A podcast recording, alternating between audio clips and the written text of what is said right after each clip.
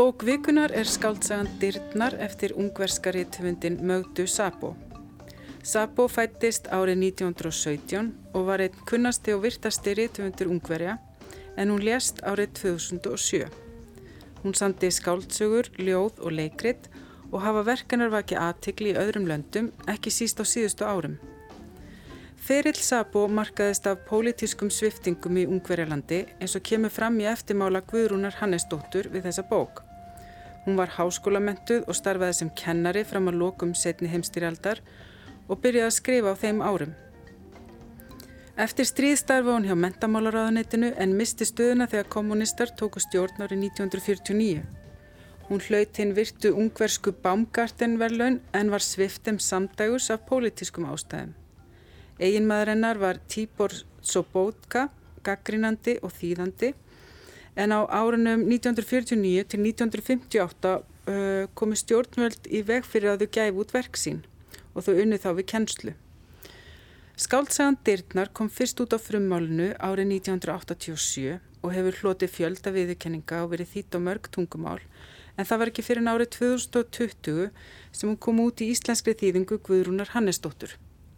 Í viðtali við Jórunni Siguradóttur í þættinum Orðum bækur sagði Guðrún að bókin hefði átt við sig erendi. Bókin er mjög óræð og mér fannst á eitthvað nátt hún ætti kannski eitthvað mikilvægt erendi við mig persónulega svona sem að gerist nú hátilegur sko. En ég vissi bara ekki hvað það var nákvæmlega svo leiðis að það var ástæðan til þess að ég fór að gumgefi hana svolítið meira og ég fór út í það að þýða einstakar bytta sem endaði bara með því að ég þýtti bókin í heilt og ég er eiginlega valla búin að koma auða á hvaða var í henni sem ég er að leita og ég held það þó samt. Bókin er eiginlega í bæðis raunsæ og hún er líka alveg fráleit, finnst mér. Hér sagði Guðrún Hannesdóttir í 200 þýðandi frá því hvernig hún létt heitlast af bókvikunar sem eru dyrtnar eftir mögdu Sabo. Gestir mínir í dag eru Áslaug Agnarsdóttir, þýðandi og Olga Bergmann, myndistamæður. Verið velkomnar. Takk. Takk. Um, langaði svona bara að byrja að spyrja ykkur hvort þessi bók hafi kallað svona til ykkar líka eins og hann gerði við Guðrunu. Ég las hann í vor, bara þegar hann var nýkomin út og ég heitlaði stafinni alveg eins og Guðrún. Já. Mér fannst hún magnuð, sætt að segja. Þekktur eitthvað uh, höfundin? Sko ég kannæðist við nafnið en ég hafði ekkert lesað eftir hana. Þannig í rauninni það að hún kemur út á íslensku þá færði til að lesa bókina. Já. Og, er, og já. þú lést heitlast. Já, já. ég lést heitlast. Hvað segir þú, Olga? ég eh, viðkjörn það ég hafði ekkert kynna þess að bóka að tekja eftir henni fyrir ég var beðnum að koma í þannig þátt. Mm -hmm. Og uh, ég verði, já, hún höfða mjög mikið til mín og mér finnst þetta mjög áhrifamikil áhugaður bók, sko. Og hérna og ég byrjaði að lesa hana svona eins og ég gerir, ég er svona hámles bækur en það er ekki hægt hvað þetta verk verðar svo hérna eh, ég rauninni upplifa hana þannig að maður þurft þess að lesa hann strax aftur Já, ég hef heyrt uh, aðra að segja það það sé svona mann langi til að byrja aftur mm -hmm. og einmitt þegar ég hafði nú ekki tíma til þess en ég bakkaði svolítið til að svona flett upp mm -hmm. og þá var einmitt svo gott að lesa kaplan aftur mm -hmm. þegar maður búin að lesa yfir eins og fannst þið það líka áslög? Já, ég tók hana náttúrulega aftur núna fyrir þennan þátt og, og kíkti hana. Ég gæti nú ekki lesað hana alla svona orði frá orði til orðs en, eh, en ég, mér fannst, mjög, mér fannst eiginlega mjög gott að lesa hana aftur svona mm. svo langt sem það náði. Getur eitthvað lísti hvað það er sem er svona heitlaðið við hana? Sko það er einhvern veginn, ég held að sé sko kannski fyrst og fremst persóna Esmeraldu. Já og uh, hérna mér fannst hún svo ótrúlega eitthvað kraftmikil og sterk persóna. Og svo náttúrulega viðnáttunum millir að það er eitthvað þarna sem, að, sem er bæði órætt en, en líka eitthvað sem virkilega bara maður, maður spáir í. Mm -hmm. veist hvað býra baki þessari, þessari, þessari viðnáttu Í eftirmála guðrunar þar kemur fram að dyrtnar þar byggi öð, framar öðrum verkum Mögdu Sabo á lífi höfundarins. En sagan gerist að mestuleiti í Budapest á setni hluta 20. aldar og segir frá rétthunda hjónum, húsjálpinni þeirra, Emir Önsu, hundinum þeirra og nokkrum nágrunum og ættingum. Emir Önsa er eldri kona, hún er fætt 1905, kemur fram, Hún er mikill karakter, sterk, stolt og ákveðin með sína eigin sín á lífið og hún tekur frá upphafi stjórnina í samskiptunum við hjónin eins og kemur fram í kaplanum Samningurinn þar sem hún segist ekki þó skítu hann þvott hvers sem er. Og áður en hún samþykir að taka sér húsverkin og heimilinu þeirra þurfa þau að útvega sér meðmæli og hún þarf að spyrjast fyrir til að komast að því hversu löt og hyrðulegstu séu. Hún gekk ekki þjónustokkar, segir íttöfundurinn í bókinni, heldur tók ákvörðun og smám saman verður líf emerönsu um, samofi lífi þessara hjóna. Sérstaklega verða konurna tvær tengdar og þær verða svona háðar hver annar í rauninni en það er líka mikið um átök og svo mikið að rítuundirinn uh, lýsir því á einu stað, ég ætlaði nú eiginlega bara að lesa það upp því það er svolítið skemmtileg lýsing.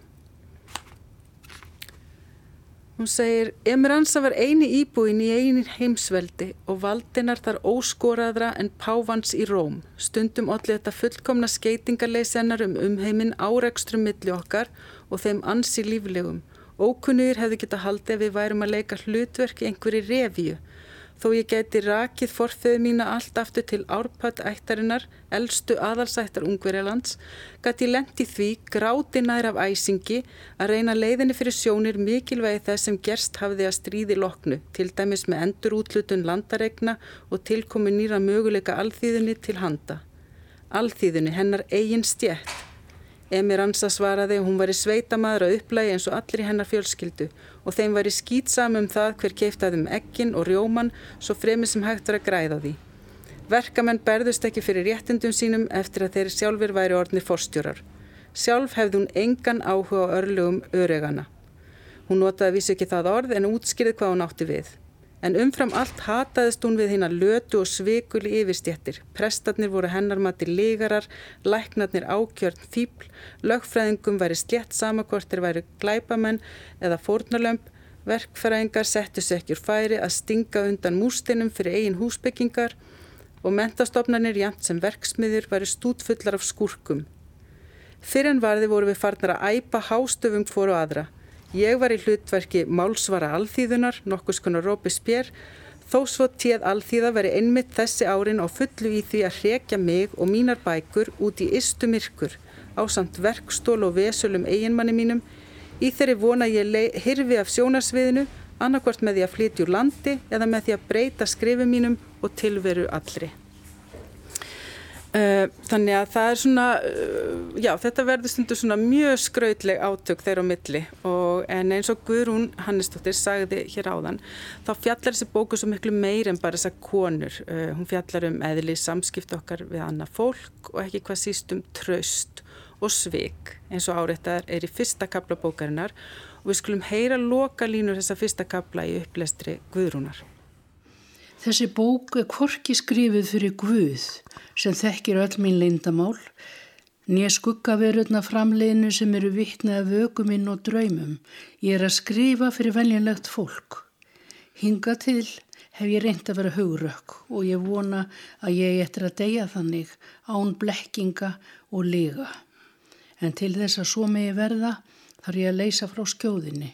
Það var ég sem draf emur önsu.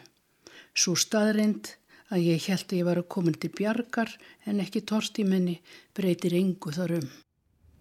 Hér las Guðrún Hannesdóttir upp úr þýðingu sinni á skáltsugunni Dyrnar eftir mögdut Sabo. Hjá mér eru Áslögu Agnarsdóttir og Olga Bergmann.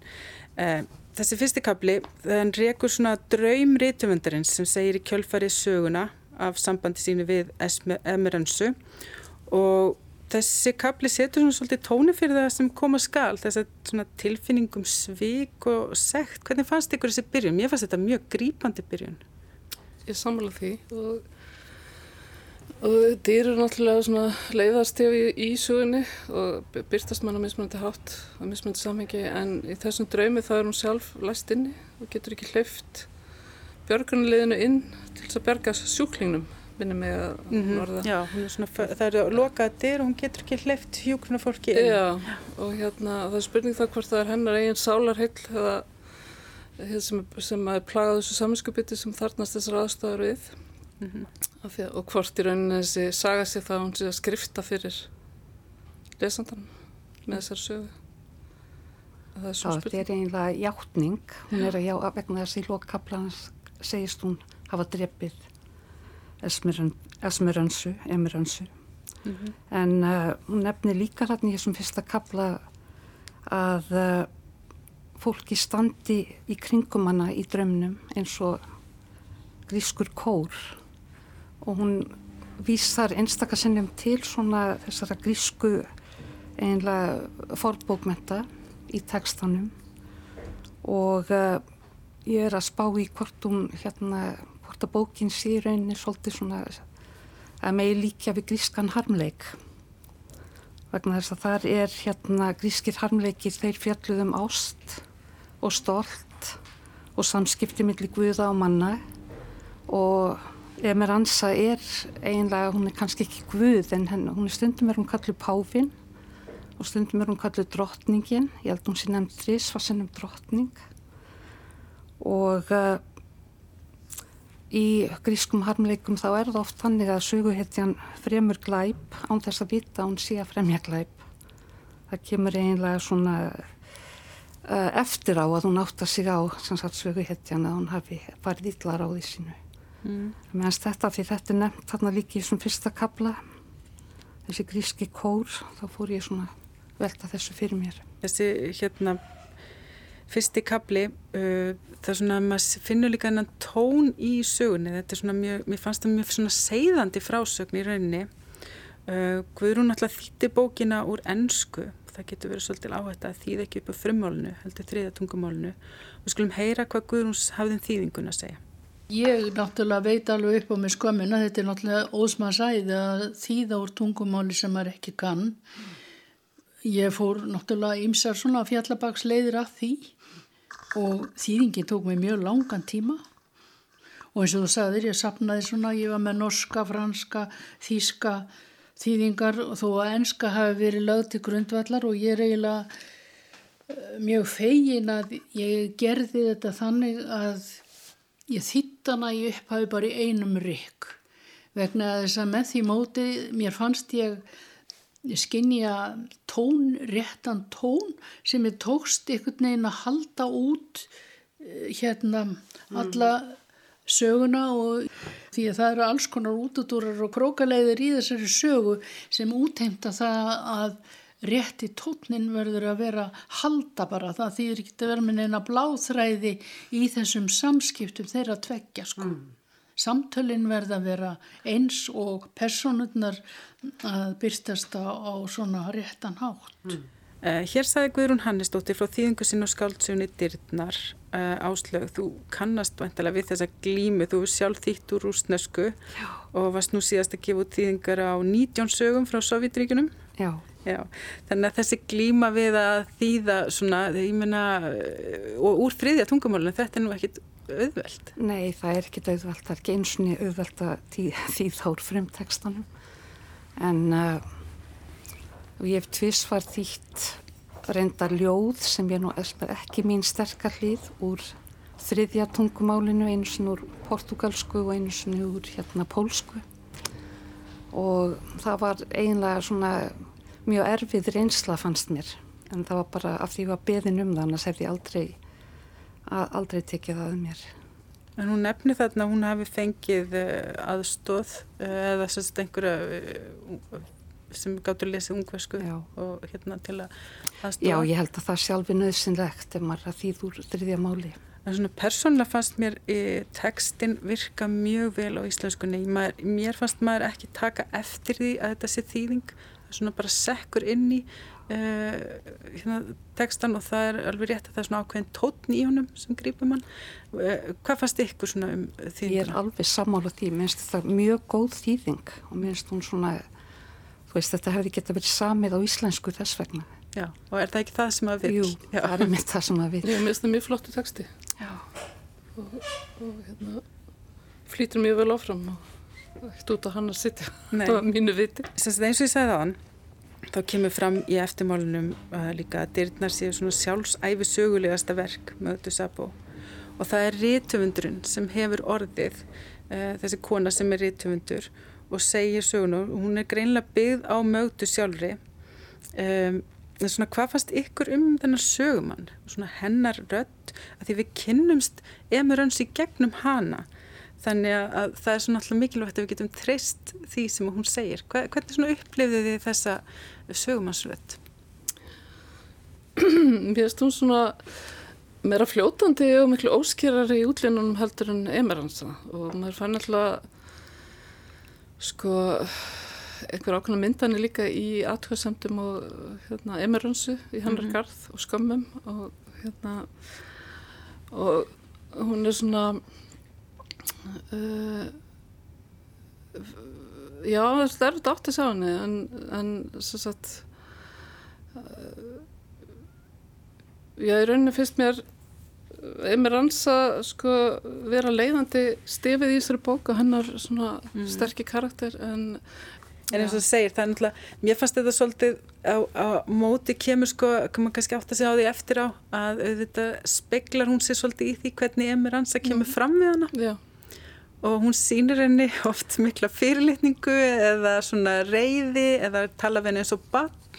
Henni finnst hún ómögulega mörgur leiti og, og oft er það svona andstætti sem henni finnst um sjálfa sig. Henni finnst hún sjálf verið að voða góð mm -hmm. og svona hérna góð í samskiptum við aðra en Emir hans hefur allt öðruvísi myndafinni hérna. Já, svo líka áhverst að maður kynnist engum í kringum hérna, skálkonna Emir hans er málega upp í mjög sterkar lítum og maður kynnist vinkunum hennar og hennar sögulega betur heldur hann sögu skálkonna sjálfar hm? Já, hún er sterkja aðilinn í, í þessari, í mm. þessu vináttu sambandi og, og sögumadurinn er undirgefin vegna þess að hún reynir að gera emransu til hæfis alltaf eins og hún getur þó að það er rífist nú sundum, gengur fram á henni sund en, uh, en hún er óljósari, hún er óræðari persóna og emeransa er náttúrulega sterkir aðilinn í þessu sambandi þeirra mm. og hún býr náttúrulega ekki skálkunum býr ekki yfir þessari sterkur sannfæringu sem emeransa býr yfir nema kannski trúmálum Já. Hún er mjög trúið uh, sögumæðurinn.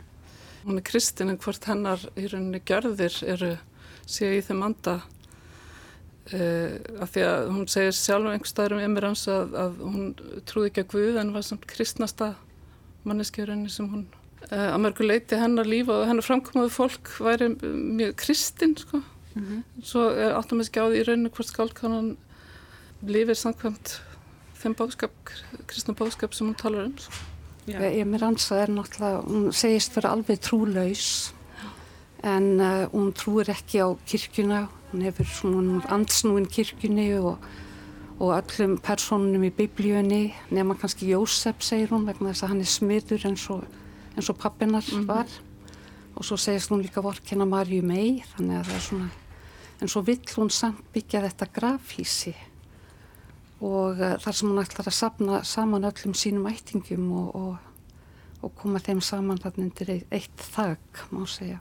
Já, því að hún hefur náttúrulega upplifað uh, miklar hörmungar í rauninni, það, það er hérna þessi saga 20. aldarinnar í rauninni sem að hérna í Ungurlandi þannig að sem verið haft afskaplega mikil áhrif á hana og hennar æfi og hvernig hún er sem persóna að hún hefur upplifað alls konar sviftingar og hörmungar, styrjöld og, og hérna og, og mist fjölskyldu sína í rauninni og þessi draumur hennar um einmitt, en mjög sérstaklega draumur að sapna einmitt öllum líkamsleifum ættingjana og búa til þetta stóra grafísi sem er einmitt sérstaklega kannski konu sem segist vera trúlaus.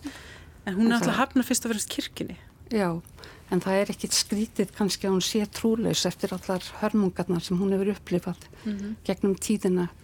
En svo er líka af því að hún er mjög trúið sem sagt sögumæðurinn Magda það er heldur ekkit skrítið vegna þess að einlega í öllum þessum austur-Evrópu löndum þar er fólk í rauninni mjög trúað og trúin var einlega svona hálfgert, hún var einlega bönnuð meðan kommunistar í öður ríkjum og uh, samt var alltaf trú undir niðri. Og eins og hefur komið í ljós eftir að kommunismin svona einlega leiðundi lok að, að fólk er einlega kannski trúaðra þarna heldur en á Vesturlandum mm. á margan hátt að sækir kirkju og, og vill láta skýra börnin sín og þegar maður eitthvað er bælt niður í langan tíma þá kannski baknar allir lífs þegar hamlutnar eru teknar frá. Og það er það sem gerist um til höfundinu með, hún heldur mér fast já. í þessa trú sína og þetta með að fara í kirkju og halda svona ákveðin ritual mm. Sem Emir Ansa gerir óspart grínað já, og skammar hana fyrir. en hérna, en það er svona, mér fannst líka sko, ef maður hugsaður aðeins um hvernig uh, sagan er uppbyggð Guðrún talaði eins um að hún væri svona eins og mósæk og það verður þetta með að púsla saman uh, bæði sko lýsingum og svo samtölum. Mér fannst svona eins og einmér hans að væri svolítið eins og ráðgáta söguna og þá komum við aftur þessu táknum dittnar. Uh, þú veist, hvað er á bakvið dittnar hennar? Að því að hún er alltaf með lokaða dyr, það er svona hennar leindardómur. Uh, það fær enginn að fara nýbúðin hennar. Og þá er maður náttúrulega líka þessi spurning, hvað liggur í fortíðinnar og hvað skýrir alls konar undarlega hegðun hjá henni og sagan er náttúrulega byggðið þannig að við fáum svona smám saman svona insýn inn í mm. personunar og það hvað hefði gæst en það er bara alltaf svona brot og stundum er þetta svona bara sláandi upplýsingar. Og hún segir já ég var einsinni vann einsinni hjá, hvað var það, líkskurðarmanni og þannig veit ég þetta og hitt. Og það kom alltaf svona litlar upplýsingar hér og þar. Já, mér finnst þetta eiginlega svona áhrifamesti og, og hérna skemmtilegasti þráður bókarinnar. Það er þessi hérna að maður segir að það sagði þessi svona svo vefnaður þræðinni líka bæði aftur og fram og, og fært í gegnum söguna og hérna og ég hjá eftir fyrst ég tók eftir þessu þá held ég að mista einhverju þegar hún minnist á það þegar köttunum hefur verið mistur á nákvæmum að hún grófa henni í gardinum þar sem hafi grafið herra skóla og ég verður svona, nú hef ég verið fljóta mér að mista einhverju hérna, hvað er í gangi? Og svo lærir maður að hún skilur eftir svona likla sem að það er hérna, vanda sig að missa kannski ekki af. Að svona dyrum hérna, maður kemst lengra inn í ráðgátuna um til að semur önsi gegnum eh, kannski margar dyr mm. sem hún skilur eftir svona litlar vísbendingar eða likla af mm -hmm. og mér finnst þetta ábúrslega flott í þessar bók hvernig þetta virkar einmitt, og mér fannst líka oft einmitt, þetta var svona oft mjög óhugnarlegar upplýsingar og hérna sem gefir skinn eitthvað óhugnarlegt hafi gerst mm -hmm. en maður færði kannski ekki staðfest þannig að maður þarf svona svolítið að geta í eigðurna líka og ímynda sér hvað gerist Hún segir frá mestu hörmungunum þarna rétt eftir að hérna eiginmaður sögumanns uh, veikist hún kemur niðurbrotin heim á spítalunum og þá er hún að hjúgrenni, gefur henni drikk, sérstakann og lætur hann að drekka og svo fer hún að segja henni frá þessum hörmungum sem hún upplifði sem hún stúlka. Þá fyrst er hún að opna sér svolítið fyrir henni. Það er einlega í fyrsta skipti sem hún segir henni eitthvað svona mm -hmm. af sinni fortíð.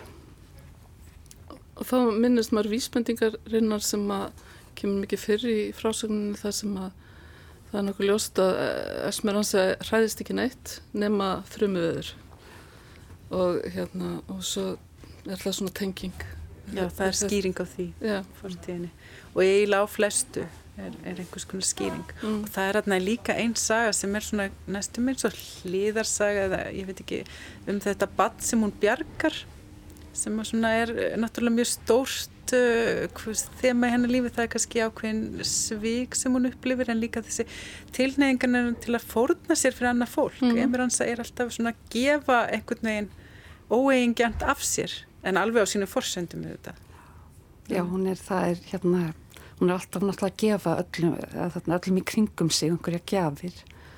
Og en en þessi, þetta barn sem hún bjargaði sem býr, kemur í ljósa býr núna í bandaríkjónum og ætlaði að koma í heimsókn til hennar og svíkur einlega þá heimsókn og sem verður til þess að Emir Hansa verður alveg þá verður hún virkilega sko sorgmætt má segja að það svona lokar sig inni eftir það mm -hmm. en þá upphef svolítið komískur kapli vegna þess að hún var búin að byggja um að fá að halda sem sagt að hitta þessa konu á heimili sögumanns og búin að útbúa mikla visslu og uh, svo þegar hún kemur ekki þá fyrir hún heim til sín, loka sig inni og sögumadur sem veit ekki hvað hann á að gera við matinn að það reynda að byrja á því að, að hundurinn fjóla sem við hefum eftir að tala kannski um að fjóla sest við borðið eins og manneskja og byrjar, byrjar að gæða sér á öllum kræsingunum. En uh, hérna það er nú stoppað af og svo fer sögumadurinn með þessa kræ, uh, þarna matinn heim til Emiransu sem vill eiginlega ekki taka á mótið þeim en gerir það samt og hrúar öllu saman í einn pott, bæði kjöti, köku, öllu sem var á, á bóðstólum, það fer allt hún í einn og sama pottin, ræri gröður. Mm -hmm. Einmitt, hún, svona, já, hún er með, hún er ofbáslega skap mikið líka. Mm. en það sem ég varst líka svolítið skemmtilegt var að e, það er rítfundurinn í rauninni líka. Lýsin, það kemur svona í ljós líka þessin náttúrulega er þeim alltaf að lenda saman. Við fórum líka velta fyrir mér þess að tvær konur. Það er virðasta mörguleiti mitt ger ólíkar.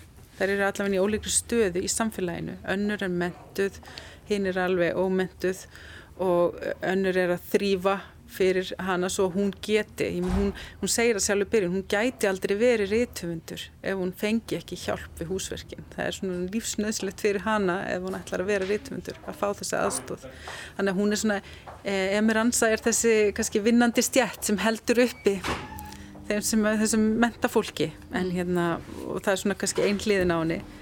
En um, mér fannst svolítið gaman að í viðtælum við Guðrunu þá kom fram að það skapa sín eigin heim báðar einmitt það er með svona sínum eigin reglum. Það er loka sér pínlítið af í sínum eigin heimi. Eða svona öryggi og Jórun Sigurdóttir kallaði nú að byggja sér grafísi í lifandi lífi.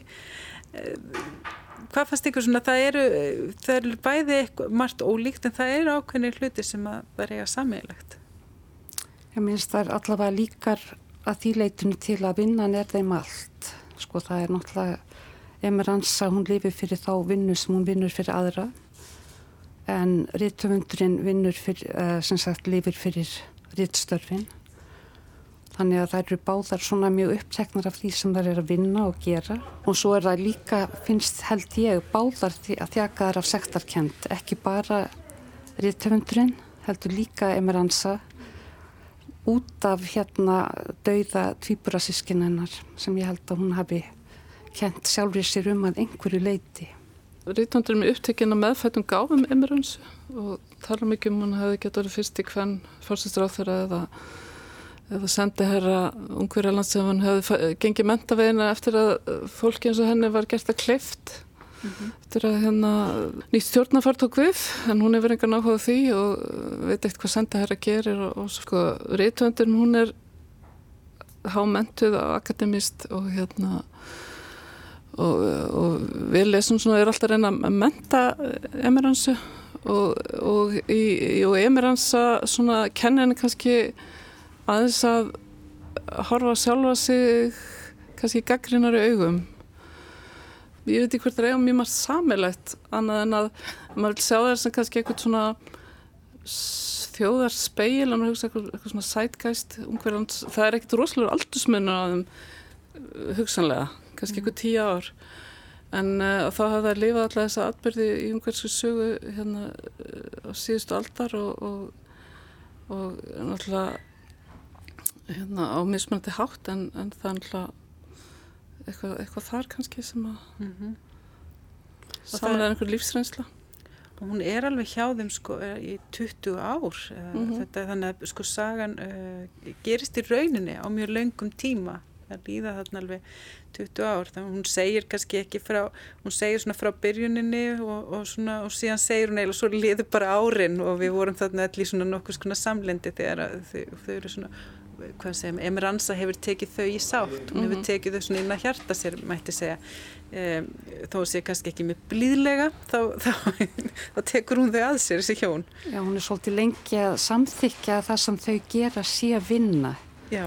og það er hérna, hún talar um að einlega, hún skiptir fólki í tvo hópa og talar um að það eru þeir sem sópa og svo er það hinnir sem er sópað fyrir mm -hmm. eða láta sópa fyrir sig og hún náttúrulega telur að, að, hún, að þau séu þau sem láti sópa fyrir sig en svo sættir hún sér við það að það stendur á einum stað að ein maðurinn bara það við að sitja við glukka og horfa út og vera að hugsa að hún geti svona samþygt það sem, sem vinnu.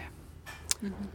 og svo líka það að, að hérna að það að glamra á rítfél að hún gæti samþygt það líka vegna þess að það var vinna með einhvers konar vélum. Mm, Ég mitt Ég tók líka eftir þessum að þetta er mjög skemmtilega Já, svolítið skemmtileg samlíking ja, Mjög skemmtileg samlíking. Og svo, einmitt að uh, það er líka áhugavert með þetta með Emirönsu hvað hún er til í svona að gefa dýrum og þeir sem minna mega sín eða þeir sem eiga erfitt alla sína umhyggju. Þannig að uh, hún er hérna er afskaplega góð við, eh, góð við hún allavega er mjög umhyggju sem kakar dýrum, hún tekur þau alveg svona inn að hjarta sér. En hún sýnir algjört hatur og fyrirlitningu í garð þeirra sem valdið hafa. Mm. þannig allt sem við kemum valdinu eins og kom fram í þessu sem ég las áðan hún, hefur, hún fyrirlítið það algjörlega þannig að það er í raunin kannski ekki fyrir að hjónin þurfa á henni halda ef hann verður veikur og, og svo framvegs að þá getur hún uh, gefið af sér. Þá fyrir henni að tekja væntum þau eða, eða tekur þau svona inn, inn í sinn heim. En, en talandum dýr þá verður við kannski eiginlega að minnast á það eru nokkrar fleiri personur þannig að bleitt að því það er ekki marga personur í þessar bók í rauninni, það er þessar tvær aðalpersonur, það er eiginmaðurinn sem kemur nú svona eitthvað við sögu en svo er það hundurinn fjóla og hann er nú alveg sérstakur sérstak persóna hvað, hvernig, hvað fannst ykkur um þá persónu? Mér fannst hann svolítið hérna minna, hann, hann er hálf mennskur af því að hann verið skilja allt sem að Emeransa segir og finnur ímislegt á sér líka og hann hagar sér svolítið eins og, eins og manneskja og það, þá get ég aftur rifjað upp þessa senu þegar hann sest við borðið og er að borða þarna veislumatinn þá situr hann eins og eins og manneskja við borðið með framlappirnar upp á borðinu. Mm. minnst einhvern veginn þá er hérna hann náttúrulega er svolítið bitbein og millera það rýfast um hillans og hann er náttúrulega hundur Emir Önsu í rauninni. Mm -hmm. hún, hún er húsbúndi hans. En uh, ja, hvað finnst ykkur um að hann sé hálf mennskur? Já Já, hann, sko, það segir einhverstaðar að hérna, Emir Ansa, sko, ástunar hundunum er náttúrulega mjög, mjög djúb og, og hann ger hann að leiðtóa lífsins eins og hún vill, hún, hún vill eiginlega líka, skaldkonin ger hann leiðtóa lífsins sem hún gera af þessu marki, hún náttúrulega sér um allt fyrir þau, allt praktíst, en hérna, Hann er náttúrulega, já, hann er svolítið, eh, náttúrulega dýrið fjóla, hann vísa líka í, í kannski svona uh, samhegð þennar með svona kynni af öðrum dýrum líka. Og það er hérna Esperanza sem skýrir hundin fjólu. Mm -hmm. En uh, já, hann hefur náttúrulega einhverju svona, yfir náttúrulega eiginlega þau verðast að vera tengd einhverjum svona uh, óutskýrunlegum böndum og hún getur, eða telepatískum getur maður sagt mm -hmm. og hann er líka, hún er náttúrulega hún, hún trúir ekki að hvudin, hún er sagt, hjá trófull og uh, það er einmitt þegar uh, hann er með veikur spítala maður skálkonunar þá er hún alveg samfélag allt sér lægi að því að það hefur ekki brotnan neitt gleraði speklar og hundurinn hefur ekki spangulað og það þýðir að hann er alltaf líkur ekki fyrir döðanum mm. svo það er einhvern sérstaklega tengslat á milli og hundurinn er náttúrulega eini gestun sem er, alltaf, sem er velkomin inn um dittnar hjá hann fyrir að koma inn, að koma inn. Já, og undan, uh, undan rittvundinu sem hann, hún fær, hún fær að koma inn uh, einu sinni. En, hérna, en hann, það er löngu eftir að hundurinn hefur fengið yngangu þannig að hann er svona fyrstur einhvern veginn.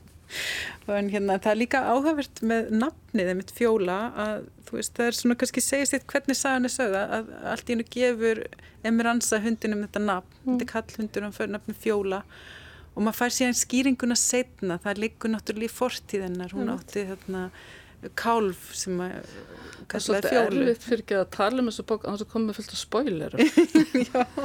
Það er nefnilega að því að þetta þessi hérna, óvæntu svona leiftur sem koma og sem, sem svona aðeins eh, sem, eh, svolítið eins og kjáftsögstundum líka við, sko, það er eiginlega betra vita sem minnst Er þetta að byggja mig um að baka en þú skulum reyna að segja minna Nei en ég var að hugsa um þetta sko hvernig tala maður um þess að því minnst þetta er svo mikilvægur hluti sko sögunar Já. og það er líka að gera okkur kröfu til mann sem lesenda að maður þarf að hérna svona eins og þessi finna alltaf það þræði, ekki, ekki missa af þeim. Það er alveg rétt, maður má ekki fá að vita allt mm -hmm. sko of snemma. Já. Það er svona, maður er leitur svolítið áfram og inn í söguna og mér finnst það alveg listilega gert sko, mér finnst það alveg frábært hvernig það er gert. Og þetta með maður þarf að vera þólimáður eins og maður þarf kannski að vera gagvart personum eins og umur önsu. Mm -hmm. Maður þarf bara að býða eftir að þær komi og, og gefi manni smá móla eins og hún gerir stundum stundum mm. dettur eitthvað upp úr henni smá upplýsingar hérna, eh, eins og ég sagði það þá er sögusviðin uh, bókarina það er náttúrulega bæði einfalt og flóki það er þess að þessi margar vísanir í mjög flókin sögulegan bakgrunn uh, en sagan gerir samtægila bara innan eins hverfis og þessu 20 ára tímabili í Budapest Um, við fáum aðeins insýn í allar þessar hörmungar sem hafa mótað emirönsu, líka í pólitiska sviftingar sem móta aðstæður rítuvendarins og eiga sér örgulega svona samhljóm í lífi mögdu Sabo. En, uh, og þannig að þessi sögulega vít, hún er þarna fyrir hendi en hún er ekki sett í forgrunn í raunni og hérna, en myndu segja að sagan væri pólitísk? það er náttúrulega pólitík í henni mm -hmm. það er mhm. eitt kapli sem heitir pólitík Já, ég veit en uh, hún er uh, ég vilt þú ekki byrja í það sko að maður uh, hugsaður kannski uh, um, um þær eða esmerinn sem einhverja takmynd fyrir þessa atbyrði í Ungverilandi alltaf fyrst bylting og gagbylting og svo uppgang kvíliða og svo rússana og fasistana og svo aftur kommunistana og, og hún sko eh, samanber til dæmis kvíliðan og rússana þegar þeir koma og það var haldin sama ræðan þegar að taka fólk að lífi það var haldin sama ræðan hvort sem voru kvíliðarnir eða rússarnir eða fasistarnir. Mm. fólki sem var hengt spriklaði alveg nákvæmlega eins. Þjáningin var alveg eins. Vittleysisgangurinn og um kalla hérna ekki sirkusinn setna heimstyrildina þetta, þú veist, hún hefur eitthvað þólimaði fyrir vittleysisgangnum í mannfólkinu rauninni. Já. og uh, tekur þann pól sjálfi hæðina að einhvern veginn hún, hún sínur reynda mikið hauguriki og hún, hún reynda líka sagt, uh, hjálpar fólki og félur það hérna Eh, og það er eiginlega alveg sama þú veist, hún, daldur skondin kaplan þegar hún félur því þískan herman og rúsneskan samtími særða í einu hergi, lilla herbergi á bakvittir tekur aðeins vopnun og þeir deyja þar saman á sárið sínum og það er svona pólitíkin er kannski svo að, að eins og hún segir það er sami rassin undir öllum valdhöfum hvers það er horta Hitler hvers mér og hérna að eh, veist eh, og þegar maður hefur upplegað svona miklar þjáningar þjóðurinnar í gegnum svo marga valdhafa þá er kannski pólitikinn svo að í rauninni sko hérna er það í rauninni hegðun og val einstaklingsins. Ég menna hún hérna ef hún er eitthvað svona byrstingamill líka eitthvað kristisk kærleika menn hún, hún tekur miklu áhættu því að hjálpa fólki og það er hérna Ég held að sko pólitist sé þá allir sér atbyrðir sem hafa gerst í Ungverjalandi og sko það er móta náttúrulega þessar konur að vissu leiti báðar. Þannig að, að þessu leiti er, er þetta pólitísk saga sko. Við höfum aðeins minnst á húmórin og það er uh, mikill húmór í sér bóklíkum. Mér finnst við eiginlega þurfa að koma því að. Þetta er nú ekki bara þetta alvarlegasta mál. En svona í lokin, eh, Guðrún sagði viðtalina að sagan væri mjög margbrotin og það væri svolítið gamna að heyra hvaða hliðarsögunar ykkur þóttu svona áhugaverðast því það eru ótalmarga hliðar. Það er að vera að tala um vináttu, valdabartu, uh, svig, elli, uh, umkomuleysi, áreikstra millir fólks. Hvað svona voru einhverja ákveðna hliða sem ykkur fannst áhugaverður þú byrjar áslu? Já, það var kannski helst sko að mér fannst þessi tókstreita sem hún lendir í þarna undir lokin þegar hún þarf að taka þessa afdrifaríku ákverðun um hvort hún eigi að, að bjarga uh, emirönsu eða ekki og svo uh, það er sem sagt svo spurning um hvað á maður að gera þegar maður stendur frammi fyrir svona ákverðun. Hún er búin að eiginlega, Emir Ansa er búin að gefa sterklega í skín með sögu Pólettu sem kemur fyrir, þarna, fyrir sögunni að maður er að leifa fólki að deyja ef það vil deyja og ekki að grýpa frammi, fyrir því en uh, minnst þetta vera sko og það, þetta er það sem veldur sektakendinni hjá henni líka og minnst þetta svona þessi spurning vera eitthvað sem allavega ég veldi mjög mikið fyrir mér þegar ég var að lesa bókina.